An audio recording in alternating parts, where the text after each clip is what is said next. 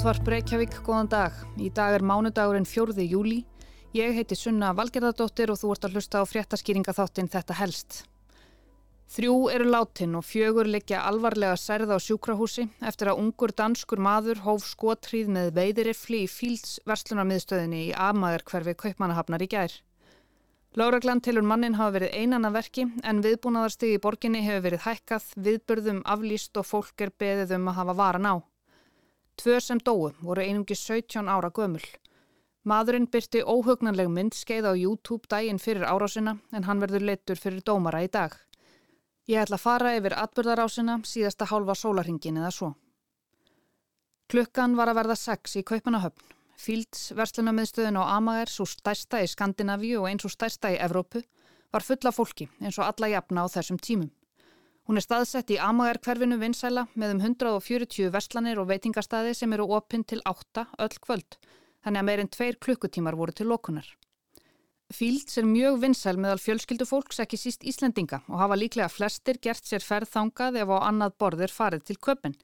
Það var gott viður í köpmanahöfni gæri yfir 20 steg að hitti, en síðan gerist þetta. Sangar, what are we doing? Skotárás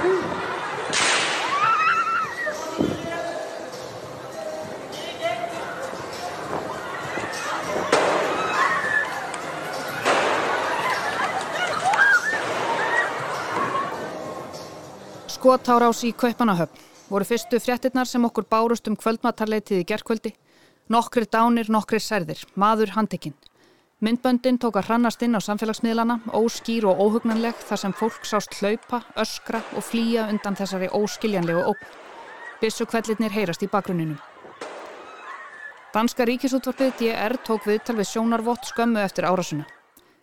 Við vorum úti með litlu börnin mín þrjú að máta kjóla í H&M og svo heyrðum við þrjá eða fjóra skotkvelli, virkilega hávara.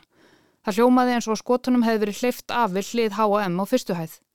Svo kom fólk hlaupandi inn í búðina og rópaði það eru skot, það eru skot. Þessari fjölskyldu tókst svo að fara út um neyðarútgang og inn í bílinsinn. Símkerfið á Amager fór á hliðina og lauruglan í Kaupmannahöfn mælti með því að fólk liti vita af sér í gegnum SMS skilabóð en ekki með því að ringja. Við erum enn með mikinn viðbúnað við Fields og erum að vinna að því að tryggja allt húsið. Ef þú ert enn inni í Fields, vertu kyrr og býtu eftir lauruglu, skrifaði Kaupmannahafnar lauruglun á Twitter. Skömmu síðar var gefið út til fjölmiðla að maður hafi verið handekinn, kvítur, ungur, danskur, karlmaður. Hann virtist hafi verið klættur í einhvers konar hermanna veiði útivistarfatnað, í grænum hermanna kvartbuksum, svörtum hlýraból og svörtum skóm eða klossum. Myndirnar af honum sína hann spíkspora um vestlunamiðstöðuna með veiðiriffil ímist á annari aukslinni eða í hendinni. Sjónarvottur líst honum sem mjög ofbeldisfullum og reyðum en ekki hrættum. Engver listi því eins og hann væri ánaður með sig þannig. Nokkri dánir, nokkri særðir voru áfram fyrirsagnir allra miðla, dönsku, íslensku, skandinavisku, bresku og bandarísku.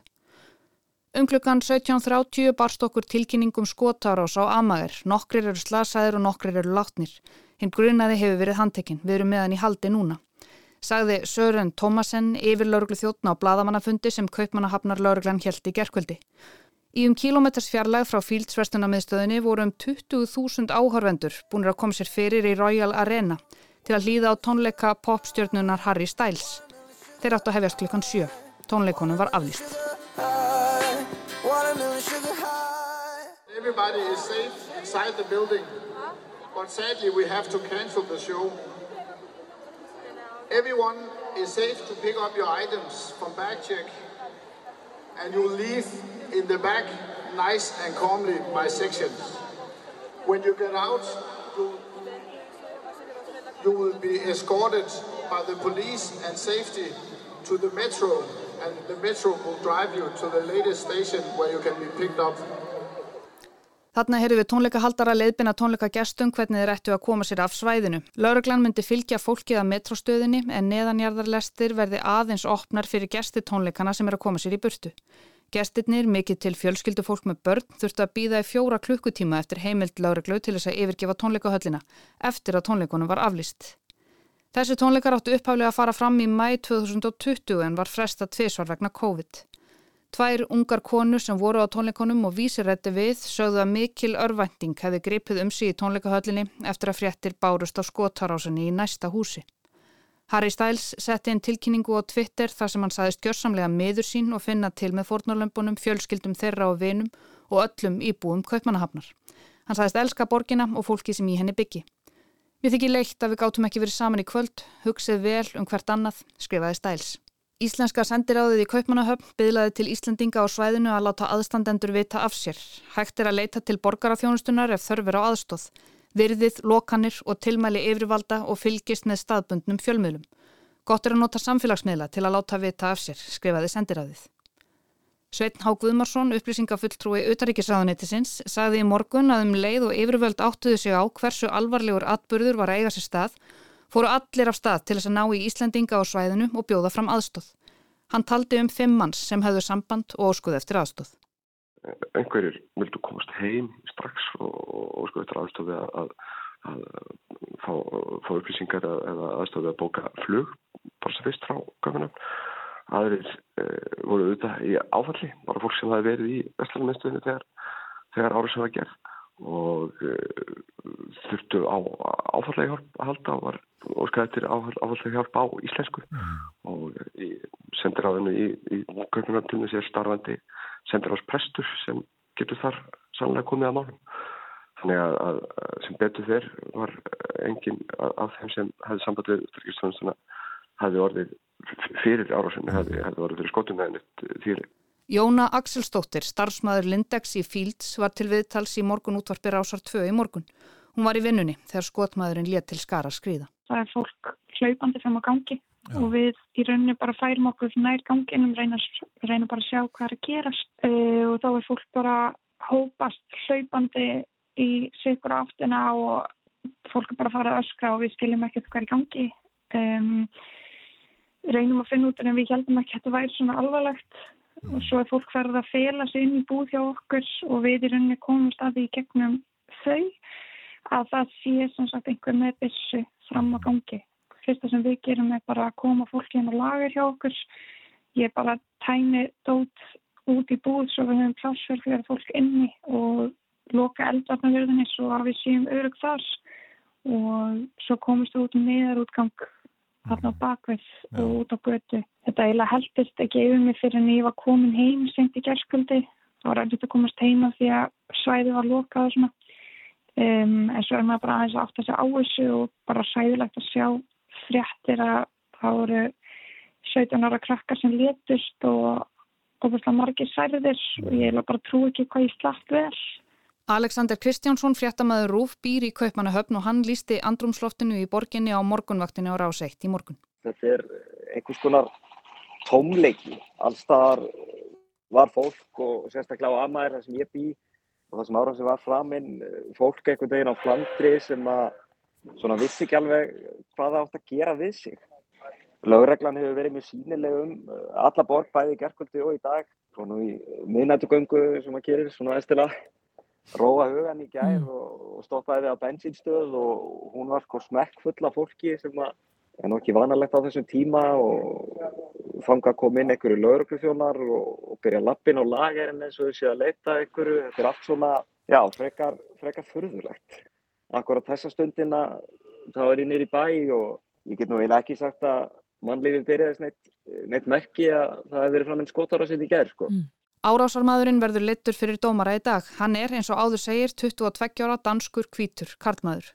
Netferjar voru ekki lengi að finna út hver hefði verið að verki í gerðkvöldi og einungis nokkrum klukkutímum eftir árásina var búið að nafngreina hann á samfélagsmiðlum og byrta vonum myndir. Lörglann hefur staðfest það sem fór fljótlega á fluga á samfélagsmiðlum að hann ætti sér sögu úr geðhelbriðiskerfinu eins og Sören Tómasen yfirlörglu þjótt orðaði það. Nú, annað eru náttúrulega þessi myndbönd sem að hann sem sagt eh, setti hlóð upp á YouTube degi fyrir árásina. Þetta eru svona frekkar óhuguleg myndbönd sem að ég hef nú hort á, á sjálfur og, og sína hann bara vera að leika sér með einhverja bissur og þykjast vera að skjóta sjálfan sig og, og eitthvað og það er náttúrulega búið að taka þessi myndbönd af, af YouTube núna en, en þau eru aðgengilega með öðrum leiðum þannig að það er svona þetta tvent kannski helst Alexander segir að lauruglan hafi byðlað til fólk sem að skila inn öllum myndum og myndskeiðum sem það kann að búa yfir í tengslum við árásina.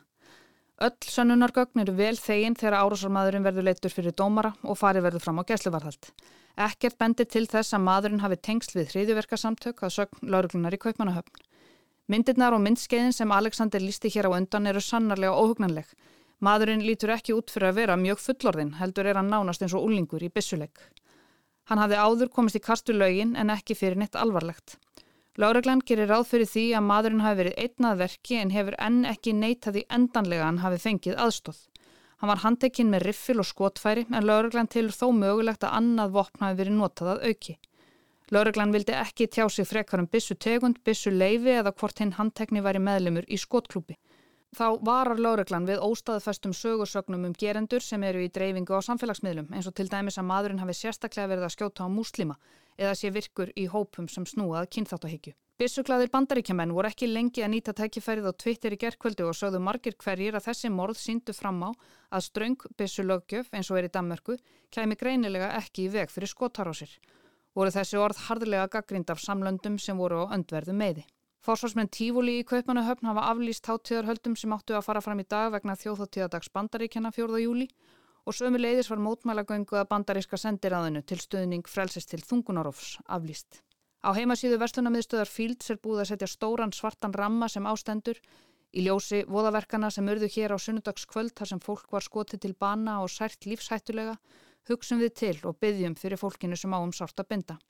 Öllu starfsfólki hefur verið bóðin áfallahjálp. Í ljósi þessa voðaverks verður vestlunamiðstöðin lokuð í dag, mánudaginn 4. júli og alla næstu viku.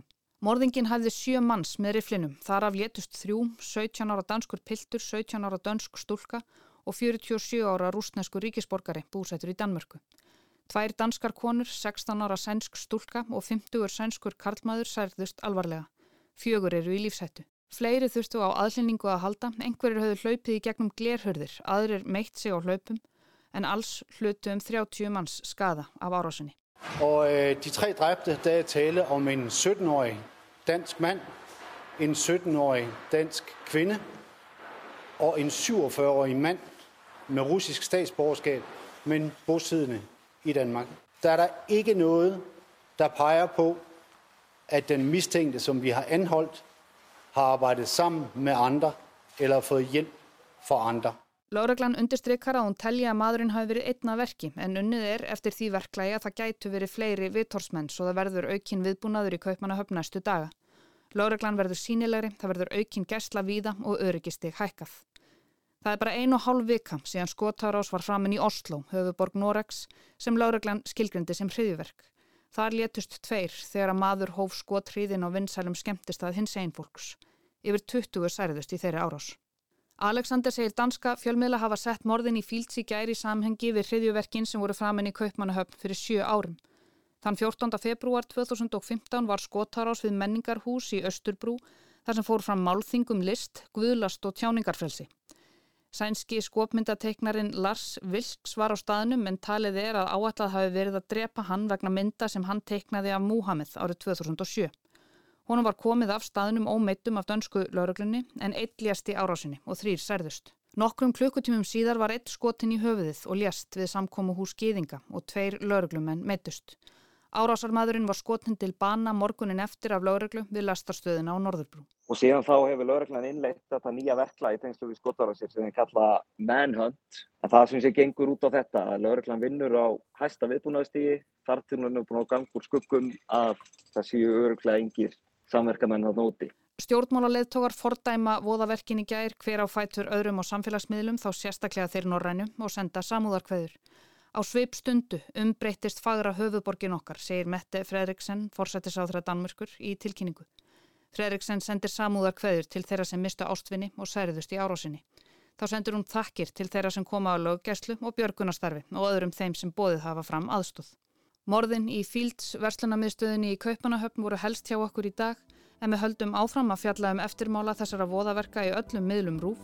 Takk fyrir að leggja við hlustir og við heyrumst aftur á morgun.